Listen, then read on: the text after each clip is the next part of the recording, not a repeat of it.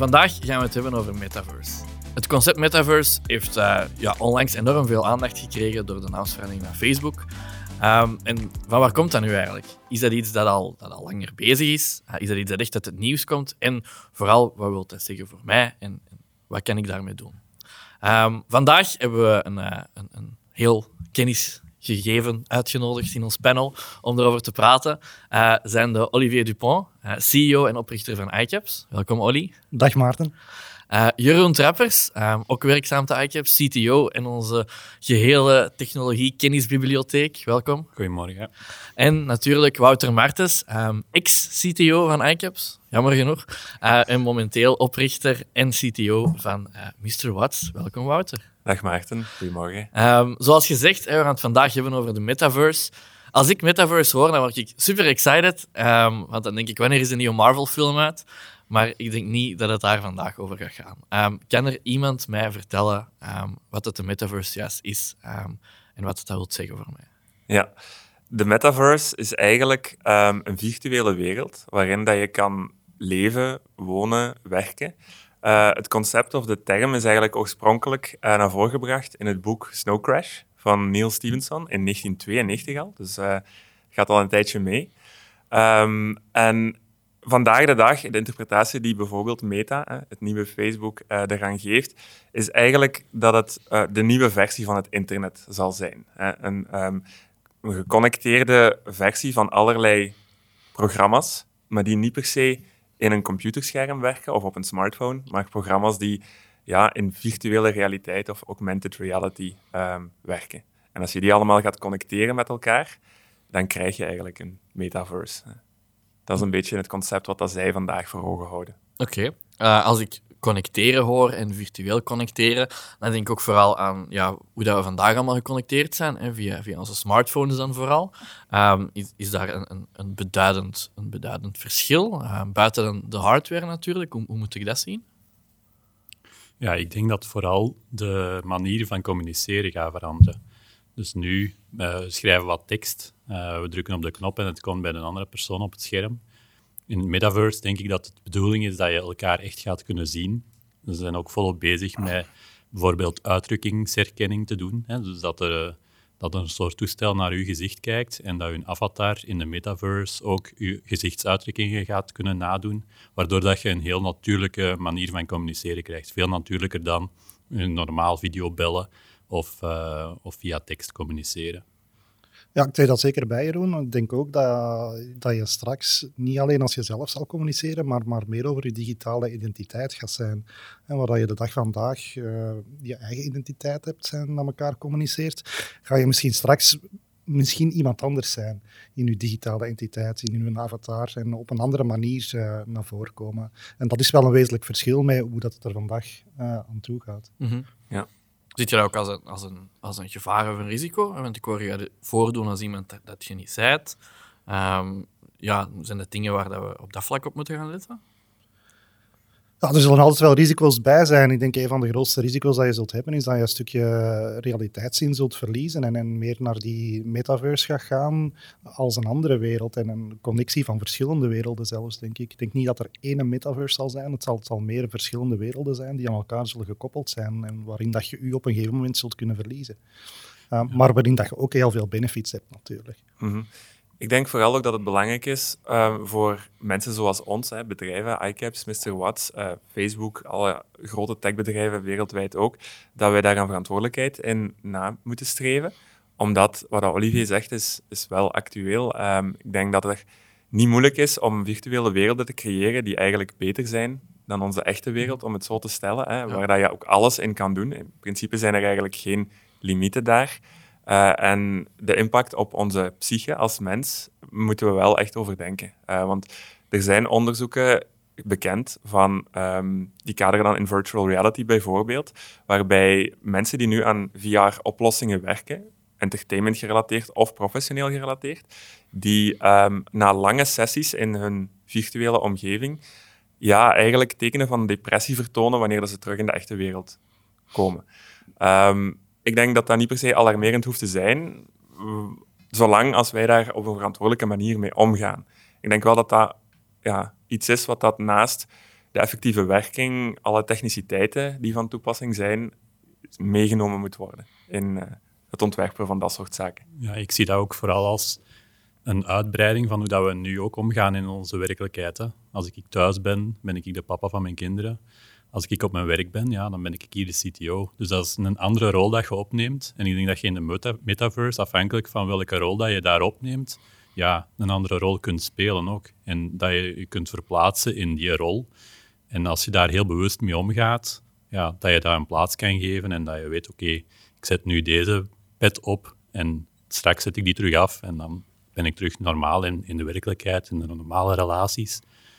En, en in de metaverse heb je andere soorten relaties. Dat kan perfect volgens mij. Zolang je er bewust mee kunt omgaan en dat natuurlijk ook ja, veiligheden ingebouwd worden, dan, dat je niet, ja, bij wijze van spreken, 20 uur per dag in die metaverse zit rond te lopen. Want ik denk dat dat echt niet gezond is. Ja, ik denk dat het een beetje is gelijk ehm, verschillende technologieontwikkelingen in het verleden ook. Er zijn altijd twee kanten aan. Ehm, het is niet omdat bijvoorbeeld artificiële intelligentie of, of de verbrandingsmotor in wagens, als we echt teruggaan naar het verleden, uh, dat dat slechte ontwikkelingen zijn. Hè. We, moeten, moeten daar gewoon verantwoordelijk mee omgaan. Um, de auto, of de uitvinding van de auto heeft ervoor gezorgd dat wij vandaag leven zoals we kunnen leven en, en verplaatsingen eigenlijk veel makkelijker geworden zijn, heeft een hele grote impact op het milieu, maar daar zijn we nu aan aan het werken. En ik denk dat um, het, dat in deze, dat gedachtegoed, in deze gewoon veel belangrijker is om dat al van in het begin mee te nemen en te zorgen dat het op een verantwoordelijke manier ontwikkeld wordt. Want ik geloof ook heel sterk dat de metaverse of het concept daarvan heel veel opportuniteiten met zich kan meebrengen. Ja, ik denk dat we er allemaal over eens zijn dat er heel veel opportuniteiten liggen. Ik denk voor, voor ieder van ons, ook voor, voor mensen gewoon in de samenleving, laat ik maar zeggen. Um, heeft, heeft corona dat proces een beetje versneld? Ik denk dat we allemaal, um, wij nu als, als personen van, van in een technologisch kader, van een technologisch bedrijf, waren het op zich wel al gewend. Eh, thuiswerken, uh, digitale meetings, virtuele meetings. Um, maar heeft, heeft corona dat dan ook versneld, omdat dat nu veel globaler een ding is? Ik denk persoonlijk van wel. Ik denk dat uh, heel veel bedrijven dankzij corona een, een, beetje geforceerd zijn in hun digitale transformatie. Ik denk dat veel bedrijven al met digitale transformatie bezig waren, maar ook een heel deel nog niet zo uitgesproken. En ik denk dat dat zeker een, uh, een gegeven is wat daar nu in beweging gezet is en wat dat een belangrijke foundation zal zijn om ja, verder te groeien naar de nieuwe versie van het internet, als je het zo kan noemen. Hè, want dat is uiteindelijk waar dat de metaverse uh, zal zijn. Hè. Uh, een nieuwe versie van het internet waar dat je in kan staan, uh, die, dat je kan beleven. niet alleen door het vierkante scherm van jouw telefoon, maar waar dat je echt met een avatar of als, als je eigen persoon volledig in kan staan. Ja. Volgens mij heeft het ook vooral te maken met een momentum dat gekomen is. Dus Facebook was al lang bezig met hun virtuele realiteitsoplossingen. En ik denk dat corona daar gewoon een katalysator voor is. De, de technologie komt nu op een punt dat het heel goed bruikbaar is. Vroeger was dat van, ja, het is een eerste versie. Um, je voelt dat het nog, nog ja, kinderziektes in zitten. Dit begint nu allemaal veel matuurder te worden. En ik denk dat die, dat die ontwikkeling ook serieus versneld is, omdat Facebook ziet, oké, veel mensen beginnen virtueel te meeten. En, en ja, ze hebben dan heel hard ingezet op die hardware. En op, op een bepaald punt komt dat op zo'n niveau dat, ja, dat dat gewoon geschikt is en dat dat klaar is om, om uh, op de mensen losgelaten te worden. Ik denk dat we nu bijna op dat kantelpunt zitten, dat het ja, goed maar je ziet ook, Je ziet ook verschillende stromingen um, in, in de technologie die dat hierin samenkomen. Hè? Want het gaat inderdaad over hardware ja. die verbeterd is en uh, menselijke gewoontes om meer die, dingen digitaal te doen. Maar bijvoorbeeld ook de opkomst van um, de cryptomunten bijvoorbeeld en dan NFT's specifiek, hè, dat mensen een digitaal goed kunnen verwerven. Dat is ook eigenlijk een, een stukje wat dat mensen toelaat om waarde te creëren in een virtuele wereld, iets te ownen, uh, iets te, be, uh, te bezitten in een virtuele wereld.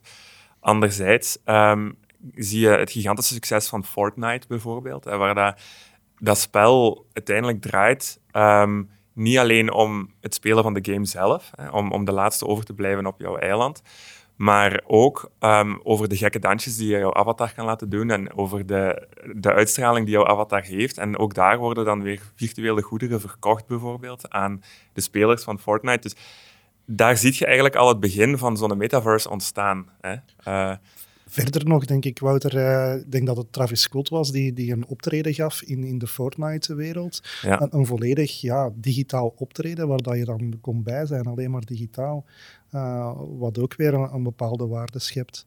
Ja. Uh, dat is een mooi praktisch voorbeeld. Een ander praktisch voorbeeld, denk ik, in ons bedrijf, was dat we na een tijdje lockdown toch een beetje meeting moe waren, waar dat we gingen zoeken naar alternatieven en dat we daar oplossingen kwamen, zoals Get Nimbo, waar dat je als, als virtuele avatar dan kon gaan meeten en samen een wereld kon gaan ontdekken of samen op café gaan. En dat waren allemaal heel kleine praktische voorbeelden van hoe dat die metaverse uh, aan het evolueren is. Ja. ja. Wat ik, ik vooral hoor zijn allemaal verschillende voorbeelden die, die niet uit de, de Facebook-wereld op zich komen. Um, nu, nu kan het misschien een klein beetje lijken voor, voor mensen dat het echt een soort van Big Bang is. Ah, we zijn nu meta, metaverse is here. Um, dat is vanaf vandaag en vanaf morgen gaat de wereld anders zijn. Maar ik denk niet dat dat zo is. Ik denk dat daar ook wel een heel stuk geschiedenis aan zit. Um, kan iemand mij daar wat meer over vertellen? Ja, we zijn al heel lang bezig met voorbeelden van de metaverse. En, en heel praktische voorbeelden zijn bijvoorbeeld Pokémon Go.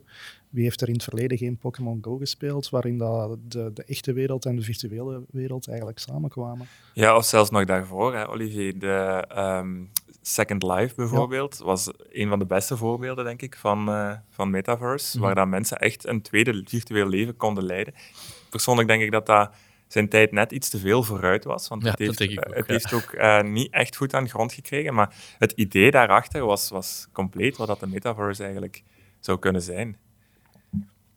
Um, ja, voor mij die interessante opmerking rond, rond uh, Second Life is vooral van, om te gaan kijken waarom is dat eigenlijk niet, niet gelukt. Ze waren een tijd vooruit. Hè. Je zit achter je computerscherm met je muis, je maakt een avatar en je, je loopt achter die avatar, in, in, uh, alsof dat je erboven zweeft. Met de, met de recente ontwikkelingen ga je echt door de ogen van je avatar kunnen kijken. En gaan, gaan mensen jou ook zien op die manier. Ik denk dat je zelf verplaatsen in die avatar, dat dat een grote, groot verschil gaat geven ten opzichte van hoe dat Second Life werkt. En dat dat misschien mhm. een doorslag kan geven dat mensen zich daar veel beter in thuis gaan voelen, veel comfortabeler in voelen omdat die, die communicatie gaat veel echter lijken. Uh, het was zo'n beetje de uncanny valley van, van de metaverse, denk ik, waar dat mensen ja, nog niet echt uh, comfortabel bij voelden. Ja, kunt je misschien heel kort even uncanny valley uitleggen? Ja, dat is eigenlijk uh, het punt waarop dat technologie komt. dat begint op realiteit te lijken, maar net niet goed genoeg dat mensen zich er niet comfortabel bij voelen. Bijvoorbeeld het gezicht van een robot. Ehm, ja, als je nog goed kunt zien dat het een robot is, ja, dan ga je zeggen, oeh, dat, dat voelt raar aan, uh, ik vertrouw dat niet. Um, en op een bepaald punt wordt die, die realiteit zo goed benaderd dat je daardoor kan kijken. Dat je dan niet meer echt merkt van, oké, dit is een robot of dit is een avatar. En ik denk dat we op dat punt moeten komen dat mensen echt ja, daardoor kunnen kijken en, en niet meer ja, moeilijk nog het onderscheid kunnen maken uh, tussen de realiteit en een avatar om, om zich echt heel comfortabel te voelen. Dat ze zien, oké, ik kan vertrouwen uh, op de gezichtsuitdrukkingen die, uh, die gesimuleerd worden in die avatar, om te kijken hoe reageert iemand ook in het echt. En dat was, dat was tot hiertoe eigenlijk onmogelijk of heel moeilijk. Um, en dat maakt dat die, dat die communicatie heel, heel stroef kan verlopen en dat er heel veel miscommunicatie kan zijn. Want je kunt iets zeggen en ondertussen een raar gezicht trekken en dan weet iemand, oké, het was humoristisch bedoeld of ironisch bedoeld. Dat gebeurt hier wel eens. Ja, maar als, als je dat er niet bij hebt, um, dan, dan kun je heel snel ja, in misverstanden verzeild geraken en, en ja, kwaad worden op iemand, terwijl dat eigenlijk totaal niet het geval was. Dus die, die, dat niveau van communicatie, van non-verbale communicatie ook, denk ik, is heel belangrijk om, om dat tot het volgende niveau te gaan tillen. Ja, en Ah, ik wou nog heel even inpikken, want jij vroeg van, uh, oké, uh, dat gaat dan waarschijnlijk ook een transitie zijn. Ik denk dat dat inderdaad klopt. Ik denk ook dat uh, een van de stukjes technologie die ik daarnet niet vernoemd heb, zijn de virtual reality brillen en de augmented reality brillen. Die worden vandaag meer en meer ingeburgerd ook. En dat is ook technologie die in tegenstelling tot wat we hadden bij Second Life, uit een tijde van Second Life, die ons meer toelaat om echt daarin te treden. Hè. Um, en belangrijk daarbij is ook om te beseffen dat de metaverse is niet alleen virtuele realiteit, dat kan ook augmented reality zijn die dat in onze wereld wordt weergegeven, hè, in combinatie met de werkelijkheid, bijvoorbeeld door een smart glass. Dus dat is een beetje, ja, dat blend. Je zou dat kunnen voorstellen als ehm, een spectrum waarop dat je in die uh, digitale wereld begeeft. Hè, en je kunt volledig naar dat digitale spectrum gaan en echt in een virtuele wereld staan, bijvoorbeeld door middel van een virtual reality glass. Maar dat kan ook iets, um, ja, iets genuanceerder zijn, waarbij dat je digitale informatie in de echte wereld brengt, maar wel nog een presence in onze echte wereld houdt. Uh, en vanuit dat gedachtegoed denk ik ook dat de transitie, die gaat naar mijn gevoel gebeuren, vertrekken vanuit de devices die we vandaag kennen, hè, smartphones en computers, waarbij dat we dan wel immersieve toepassingen in de metaverse gaan, gaan gebruiken. Mhm. Maar dat gaat, dat gaat het begin zijn. We gaan die transitie maken meer en meer naar smart glasses. Vandaag zijn die dingen nog groot en zwaar en ziet dat eruit gelijk een skibril die op je hoofd staat. Maar ja, de technologische ontwikkeling gaat zo snel dat ik echt geloof dat over vijf, zes jaar die, die toestellen er gelijk een normale bril gaan uitzien. En, en dat dat allemaal ook veel meer ingeburgerd gaat worden in ons dagdagelijks leven. Net gelijk als smartphones vandaag ja. hè, in ons dagdagelijks leven zitten, waar dat, dat tien of elf jaar geleden niet het geval was. Ja. Ja, een ander voorbeeld, Maarten, van, van die tijdslijn is, is na Second Life is er nog iets gekomen, dat noemt Decentraland. Uh, wat ook wel iets, iets, iets, leuk was in de zin van, dat was een virtuele wereld waar dat je stukjes land kon kopen. Natuurlijk beperkt, want uh, heel die wereld was beperkt. Uh, dus was je er snel bij, dan had je een stukje land. Maar wat deed men dan? Men kon daar van alles op gaan, gaan ontwikkelen. En men maakte dan casino's waarin dat mensen kunnen komen spelen voor, voor een klein beetje geld. Hè. Dus daar was een eigen economie. Maar dat ging dan weer verder, want daar gingen men dan ook weer mensen inhuren om in die casino's virtueel te gaan werken, om die mhm. andere mensen die daar kwamen, ook uit te leggen hoe dat allemaal werkte. En, en zo hadden we een wereld op zich. Ja. Eh, en dat is ook al van voordat natuurlijk Facebook met het woord metaverse. Eh, ja, dat is echt een beetje Ready Player One eigenlijk. Ja. Ja, um, ja Wouter, je, je, hebt het net gehad over um, dat, we, dat we die toepassingen eigenlijk vandaag de dag al een beetje zien. Hè, en dat het dan binnen x aantal jaar wel naar het grote publiek gaat komen. Um, zijn er dan vandaag de dag in de, in de, in, de, bedrijven, in de industriële sfeer, al voorbeelden dat we kunnen, kunnen aanhalen van dit soort technologie? Ja, absoluut. Hè. Het, is, het is natuurlijk nog geen volledige metaverse, maar we zien daar echt wel de eerste stappen in, inderdaad. En um, ik denk bijvoorbeeld aan toepassingen die wij zelf met Mr. Watts maken, mhm. onder andere. Er is een app die we nu aan het bouwen zijn um, om te gebruiken in combinatie met een HoloLens. Uh, dat is dus een augmented reality bril voor luisteraars die dat niet kennen. Um, en die zal gebruikt kunnen worden op ehm, een bouwwerf, hè, dus door bouwbedrijven, om uh, bijvoorbeeld een 3D-model van een gebouw, wat dat door een architect getekend wordt, over de werkelijkheid te plaatsen, zodanig dat een werfleider eigenlijk um, de digitale informatie van dat model en de realiteit tegelijk kan zien en daar kwaliteitscontroles en projectopvolging mee kan doen. Um, en in die zin, ik zeg het is het begin van de metaverse, omdat het is een toepassing die dat uh, ja, uit het computerscherm breekt en die dat in jouw werkelijkheid geprojecteerd wordt. Je staat daar echt in, en, um, terwijl dat je op die bouwwerf staat. En je kan echt meer dan ooit ja, in de field daarmee gaan werken. Als we in de toekomst eh, dat gegeven interconnected kunnen maken met andere augmented reality, virtual reality toepassingen, ja, dan beginnen we naar die betaverse toe te werken. Maar dat is, allee, wij, doen, wij doen dat met Mr. Watt. Natuurlijk, de, de grote techbedrijven zijn daar ook mee bezig. Hè. Als ik dan even verder ga bij Microsoft, zij zijn nu een platform aan het ontwikkelen, dat, dat noemt Microsoft Mesh.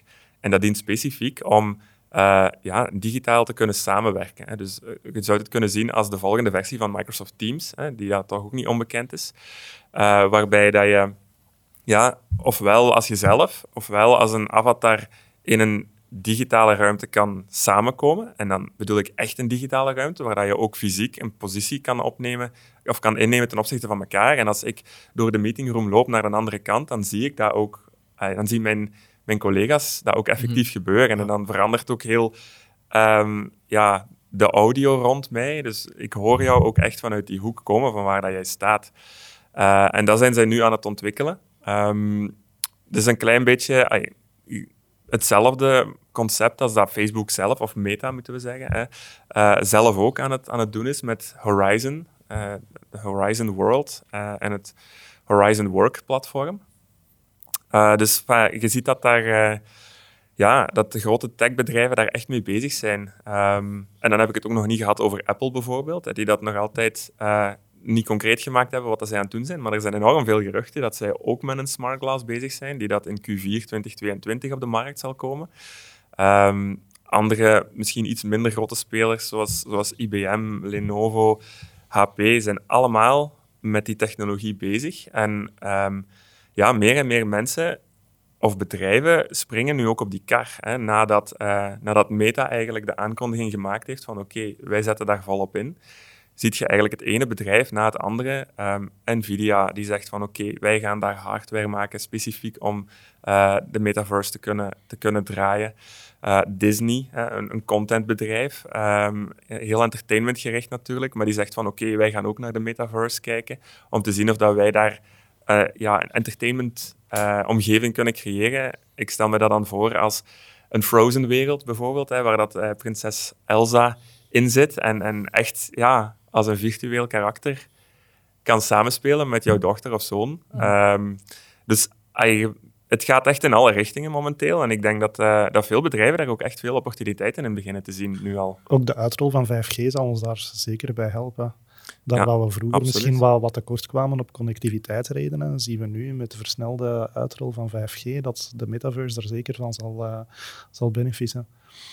Ja, het is een verbeterde connectiviteit enerzijds, hè, um, met, met een lagere latency, meer bandbreedte, dus dat is belangrijk, maar ook de betrouwbaarheid van al die systemen die dat we kennen. Hè. Dus bijvoorbeeld de cloud in zijn geheel, hè, datacenters die dat vandaag eigenlijk meer en meer... Uh, ja, computing doen en, en applicaties draaien, waar dat, dat vroeger op onze eigen computer, op onze PC gebeurde, gebeurt vandaag al heel veel in de cloud. En je ziet ook dat dat allemaal gestabiliseerd is, dat dat heel goed werkt en dat er een enorm grote betrouwbaarheid is. En dat is ook gewoon ja, die technische foundation die dat klaar is, eigenlijk Jeroen dat daar straks al vermeld heeft, om ehm, ja, de metaverse eigenlijk te kunnen gaan bouwen.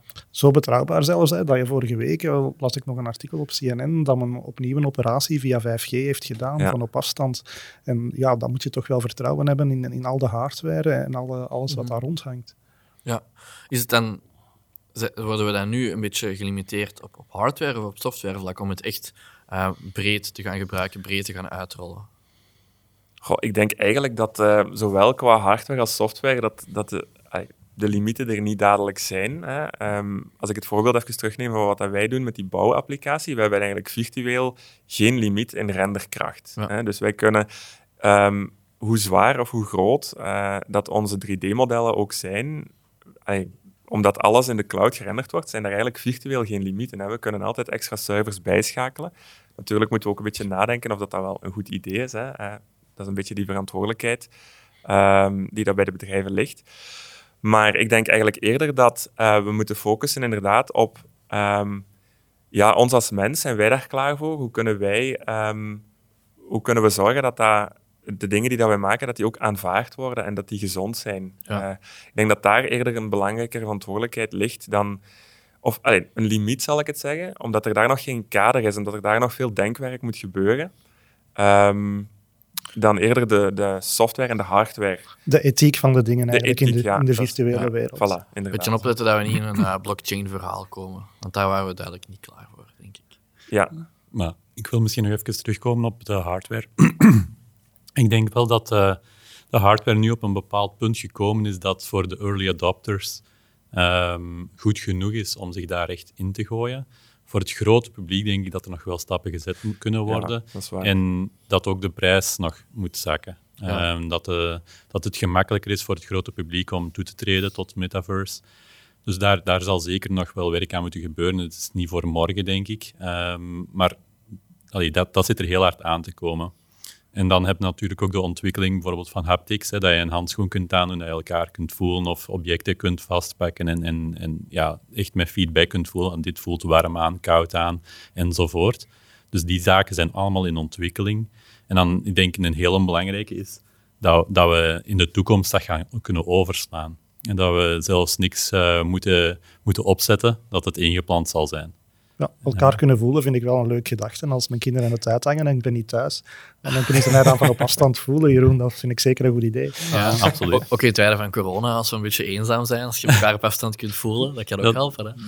Uiteindelijk zijn dat zeker. allemaal maar signalen in je hersenen. Hè. Dus eh, als we die kunnen manipuleren, en ik, ik geloof daar echt in dat dat zal kunnen in de toekomst, ja, dan, dan zijn dat limieten, allee, dan zijn ze allemaal. Dan zijn ze weg, ja. Dus, maar dan spreek je echt over de initiatieven zoals Neuralink, Ja, bijvoorbeeld, van, eh, van Elon Musk. Eh, een brain-machine interface is dat dan, waarbij dat je jouw hersenen rechtstreeks inplugt of linkt aan een computersysteem. Ehm, ik denk dat dat voor veel mensen nogal heel verregaand klinkt. Ja, absoluut. Hè. Maar als we dan echt, echt over de hardware hebben die er nu is en die er misschien binnen 10, 20 jaar zal zijn, die ontwikkelingen gaan zo snel, die innovatie, die versnelt en versnelt. Hè. Dus de ene innovatie versnelt de andere. Dus ja, het is eigenlijk een sneeuwbal die aan het rollen is, volgens mij, en die ook niet meer gestopt kan worden. Dus ja, om, om het echt over het niveau van vandaag te hebben, de metaverse is heel vroeg. Hè? We zitten nu op een heel vroeg punt. Alles is nog in beta. Alles is nog wa, niet 100% stabiel.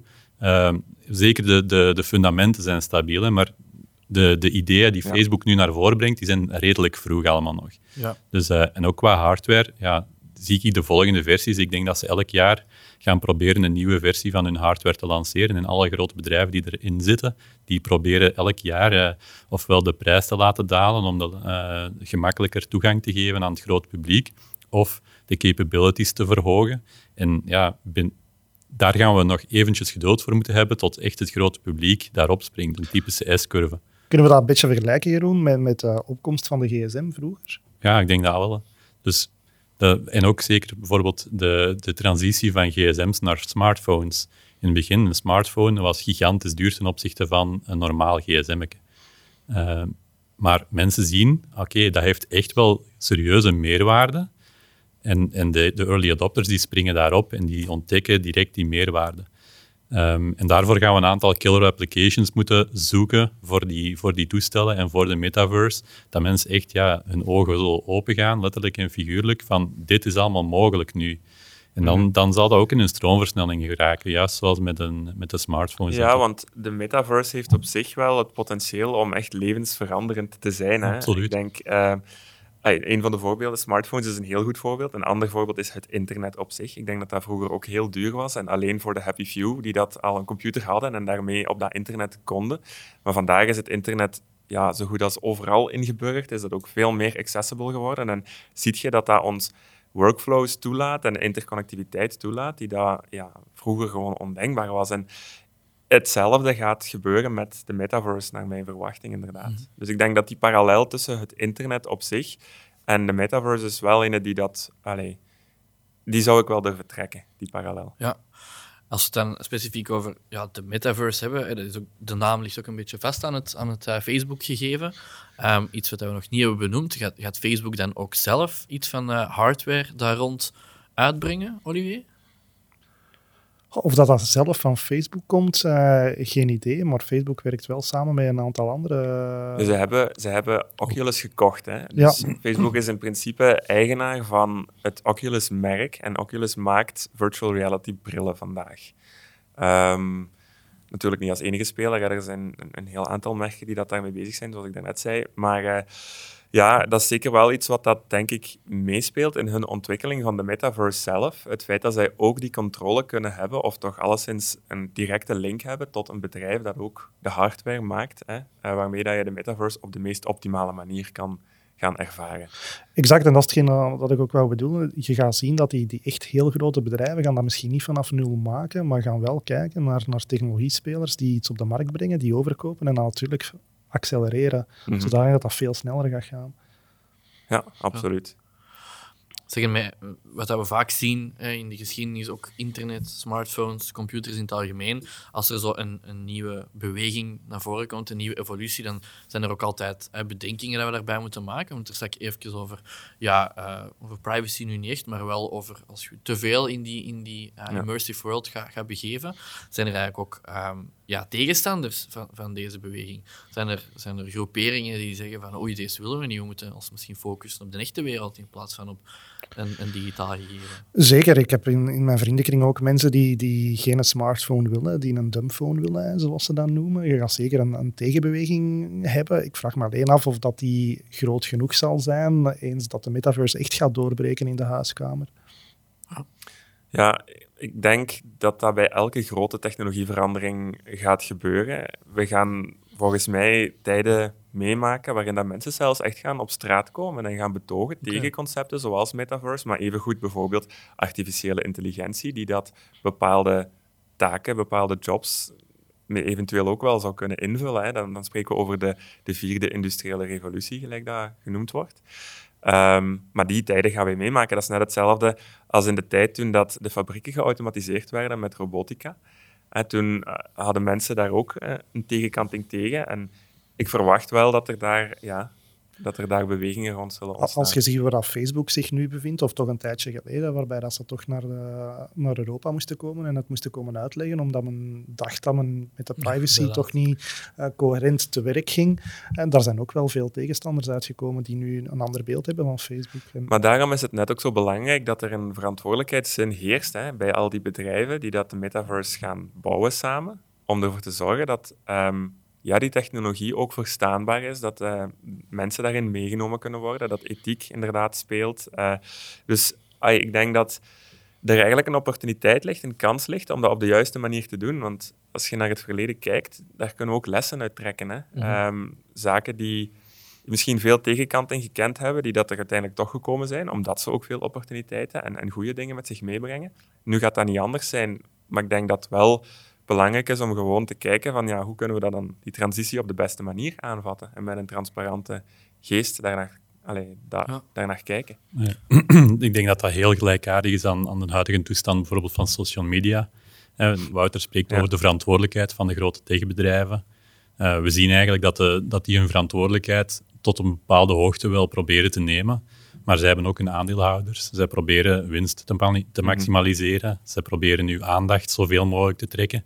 Dus ik denk dat er ook wel voor, voor de overheid een belangrijke rol weggelegd is in regulering van die zaken. Ja. Zorgen dat de bedrijven hun verantwoordelijkheid nemen. En als ze ze niet nemen, dat dan de overheid gaat ingrijpen daarop. Omdat dat zo'n impactvol gegeven kan zijn voor de, voor de mentale gezondheid van mensen en ook voor de, voor de samenleving in het algemeen.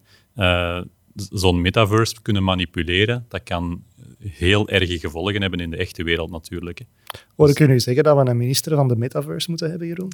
Dat weet ik niet. Uh, maar ik denk wel dat, dat... We hebben hier wel te weinig ministers. Dat ik denk wel dat er, dat er een, een belangrijke rol weggelegd is voor de overheid en voor de samenleving om te beslissen van waar willen we daarmee naartoe gaan.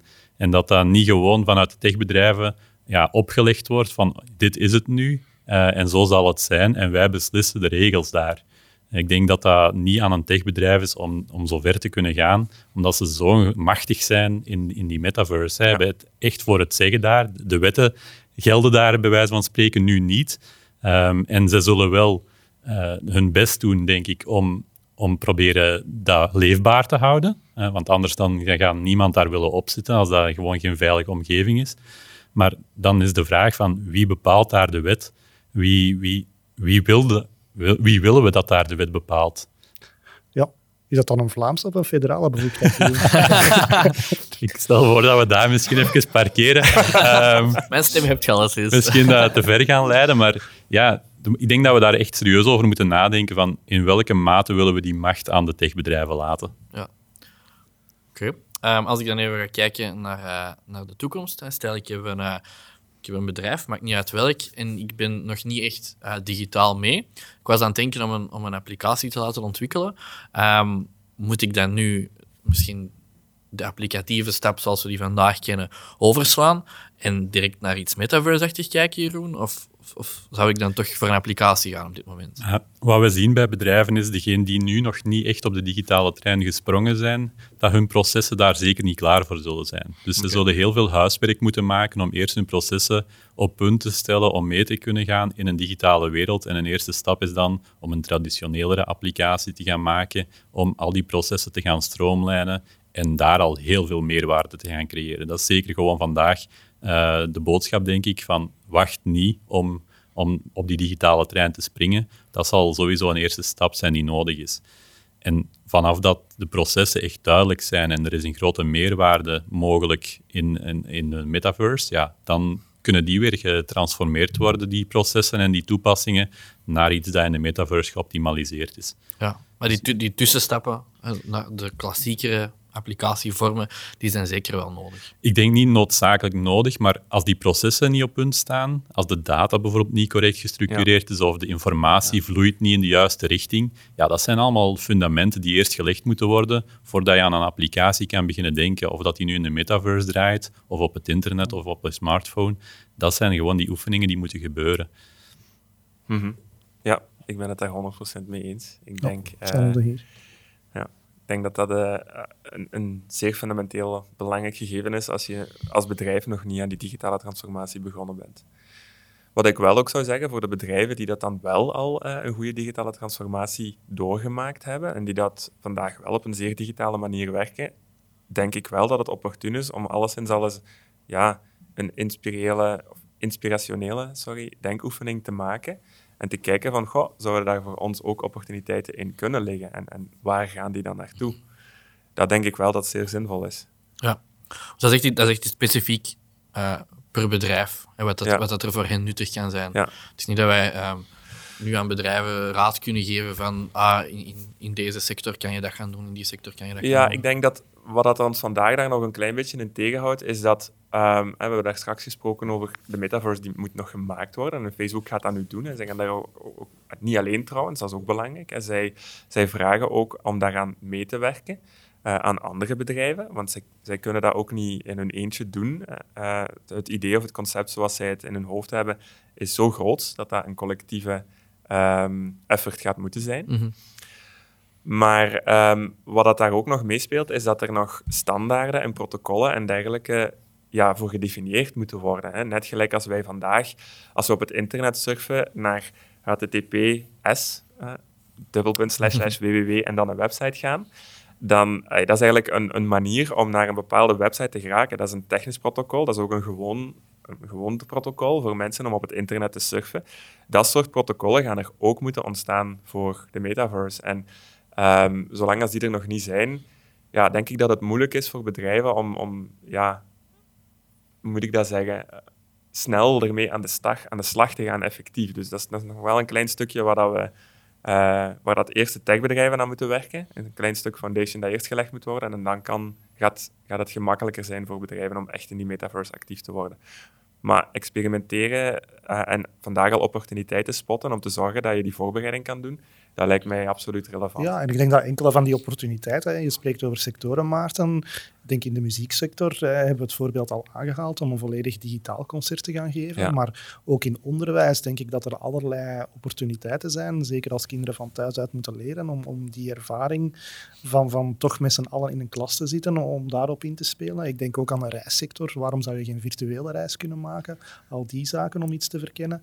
Dus ja, per sector ga je zeker wel dingen kunnen uh, identificeren. Ja, en een algemeen concept, wat ik ook nog even wil benoemen, is um, dat je in de metaverse in principe ook een aanwezigheid kan hebben aan de andere kant van de wereld. Als we vandaag zien in healthcare bijvoorbeeld, dat chirurgen al virtuele operaties, als ik het zo mag noemen, doen hè, over een 5G-verbinding. Iemand die aan de andere kant van de wereld zit opereren hè, met uh, een heel snelle en veilige verbinding en dan eventueel gecontroleerd met een operatierobot. Dat zijn ook concepten die voor mij in die metaverse kaderen. Uh, omdat je dan eigenlijk ja, dat is iets wat daar denk ik voor heel veel bedrijven relevant kan zijn. Je hoeft de wereld niet meer af te reizen om kennis van de ene plek naar de andere plek te brengen. En als je als arts eigenlijk um, jouw specifieke expertise of, of chirurg jouw specifieke expertise kan aanwenden om een patiënt aan de andere kant van de wereld te helpen, en je hoeft daarvoor geen 5000 kilometer te reizen, ja, ik denk dat dat wel een heel krachtig gegeven is. En ik denk dat zoiets, dat gebeurt vandaag al, maar het concept op zich is voor mij toepasbaar op heel het bedrijfsleven en de professionele wereld. Ja, nog, een, nog een van die algemene concepten die je nu vaak op de markt ziet terugkomen, is alles rond remote assistance. Ja. Het feit dat mensen ter plekke gaan die misschien niet alle kennis bij hebben, maar die gewoon een bril opzetten, waarbij dat er iemand aan de andere kant van de lijn eigenlijk meekijkt en zegt wat die persoon moet doen, mm -hmm. uh, is een grote meerwaarde op de markt. Ja. Ja, wat ik hier nu hoor, dat lost ook wel een van de grote problemen van vandaag. Het klimaat zijn er natuurlijk. Hè. Of oplossen is misschien heel veel gezegd. Maar als we niet meer uh, over en weer moeten vliegen voor een, voor een of andere operatie te doen, of ik hoorde er juist uh, virtueel op reis gaan, ja, een, een, een vliegtuig brengt natuurlijk een grote uh, ecologische voetafdruk met zich mee. dus dat, dat, dat, helpt natuurlijk ook wel om, om het hele gegeven te kaderen, denk ik dan ook ecologie is inderdaad belangrijk, maar we moeten ook kijken, al die servers die dat de metaverse gaan poweren, die, die verbruiken vandaag ook stroom. Dus het is inderdaad een beetje een balansoefening, maar eh, het is zeker en vast, uh, het is zeker en vast belangrijk om dat aspect mee, mee te nemen, inderdaad. Dat het feit dat je digitaal kan teleporteren, noem ik dat, naar een andere locatie op deze wereld, en zo kan samenwerken met andere mensen of, of jouw taak uh, ja, daar uitvoeren, ik vind dat een enorm krachtig gegeven. Okay wordt zeker een interessante discussie of we dan toch uh, kernenergie moeten blijven aanhouden om onze metaverse te kunnen uh, gebruiken. Ja, um, ja Jeroen, als ik nu één call to action zou moeten definiëren voor, voor bedrijven, van um, ga erin mee, informeer jezelf, um, bel ons. wat is dat dan? Ik denk dat het eerste uh, belangrijkste wat bedrijven kunnen doen is, zoals dat Wouter ook zei, inspiratiesessies hebben. Zich heel goed informeren van wat is de metaverse, wat zijn de potentiële mogelijkheden daar. En dan binnen een bedrijf gaan zoeken naar de killer applications. Mhm. Om, nu, nu, als je er nu op springt, ja, heb je een first mover advantage. Als je nu een, een killer application kunt bedenken in je sector of in, in, in de, de zaken waar dat jij de expertise voor hebt, en je kunt dat naar dat metaverse brengen, ja, dan gaat iedereen daar direct uh, de voordelen van zien. En ja, ja, ben jij de thought leader daarin. En kan je daar enorm, uh, dat is daar een enorme opportuniteit om, om daarin te groeien, denk ik. Dus dat is denk ik een van de belangrijkste oefeningen die moet gebeuren, die, die killer applications gaan zoeken. Oké. Um, nog iemand anders daar, dat daarop wil, wil pikken? Ja, ik kijk uit naar de eerste Metaverse Consultant die uh, het, uh, de Metaverse gaat evangeliseren. Dus uh, ik denk dat daar ook zeker een grote meerwaarde in zit. Mensen die echt goed doorhebben, wat is nu juist de Metaverse en wat zijn de mogelijkheden? Daar gaat zeker vraag naar zijn. Ja, en er wordt ook al heel veel geëxperimenteerd vandaag, hè. ook met nieuwe businessmodellen bijvoorbeeld. Hè. Want um, als ik, um, en dan ga ik heel even terugspringen naar die, die NFT's, hè, de non-fungible tokens. Um, er is vandaag een bedrijf uit uh, Silicon Valley, die noemen Yuga Labs. En die hebben eigenlijk 10.000 unieke uh, karakters gemaakt van apen. Uh, dus dat zijn visuele voorstellingen van een aap, allemaal uniek. En zij hebben die verkocht aan 10.000 mensen, die dat daar dan ook het eigendomsrecht op kunnen bewijzen door middel van een non-fungible token. Er is vandaag um, iemand en die heeft zes van die aapjes gekocht en die heeft daar een virtuele band mee opgericht. Uh, dus volledig virtueel. Gorillas.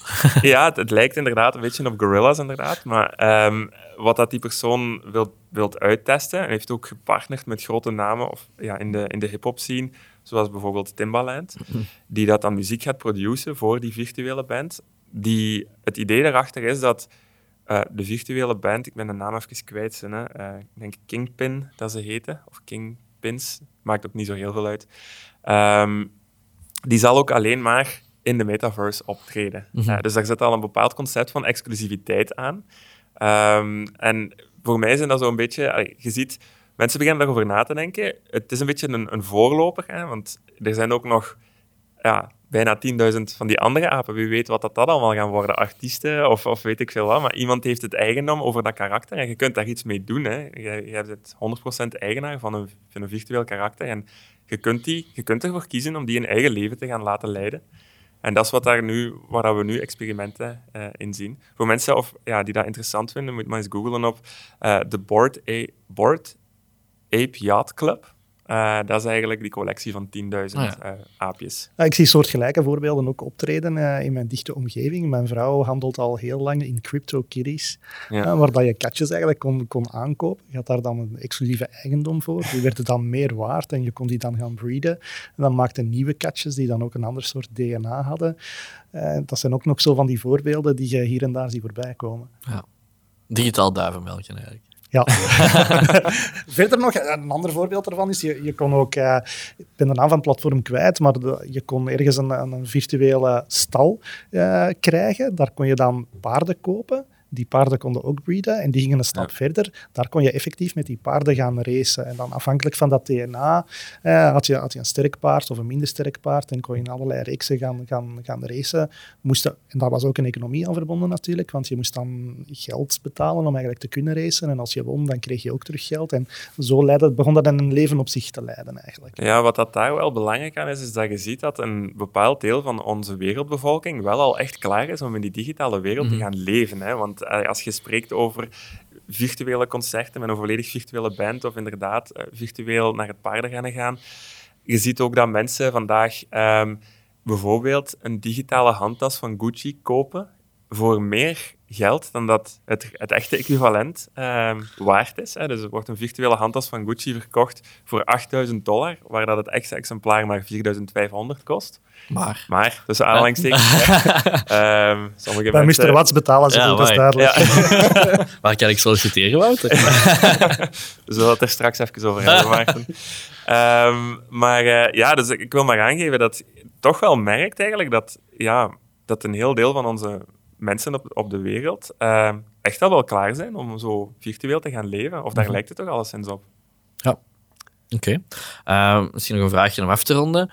Moeten we dan allemaal uh, bedrijven in, uh, ja, gewone personen, um, smart glasses en van die um, VR, mixed reality brillen gaan kopen? Of is dat nog iets te vroeg?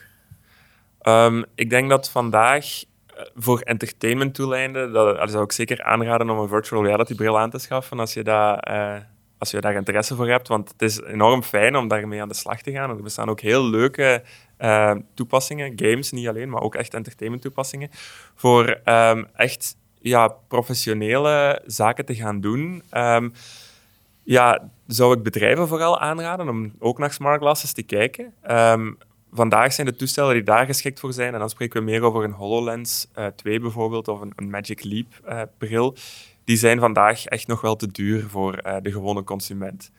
Um, en dan spreken we toch minimaal over 3000 euro voor één bril, en dat is dan nog exclusief BTW.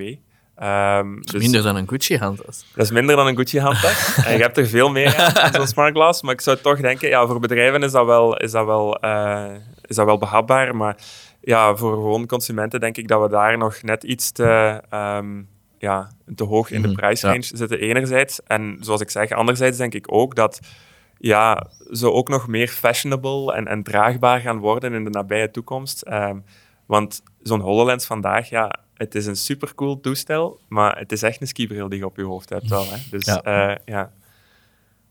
Oké, top. Nog iemand dat daar iets van wil toevoegen? Nee niet direct. Alright, uh, dan denk ik dat we hier kunnen afronden. Um, bedankt allemaal. Merci Wouter, merci Jeroen, merci Olivier. Um, hopelijk doen we deze binnenkort nog eens, want ik vond het alvast uh, heel boeiend. Ja, ja. graag gedaan. Bye bye. Dag.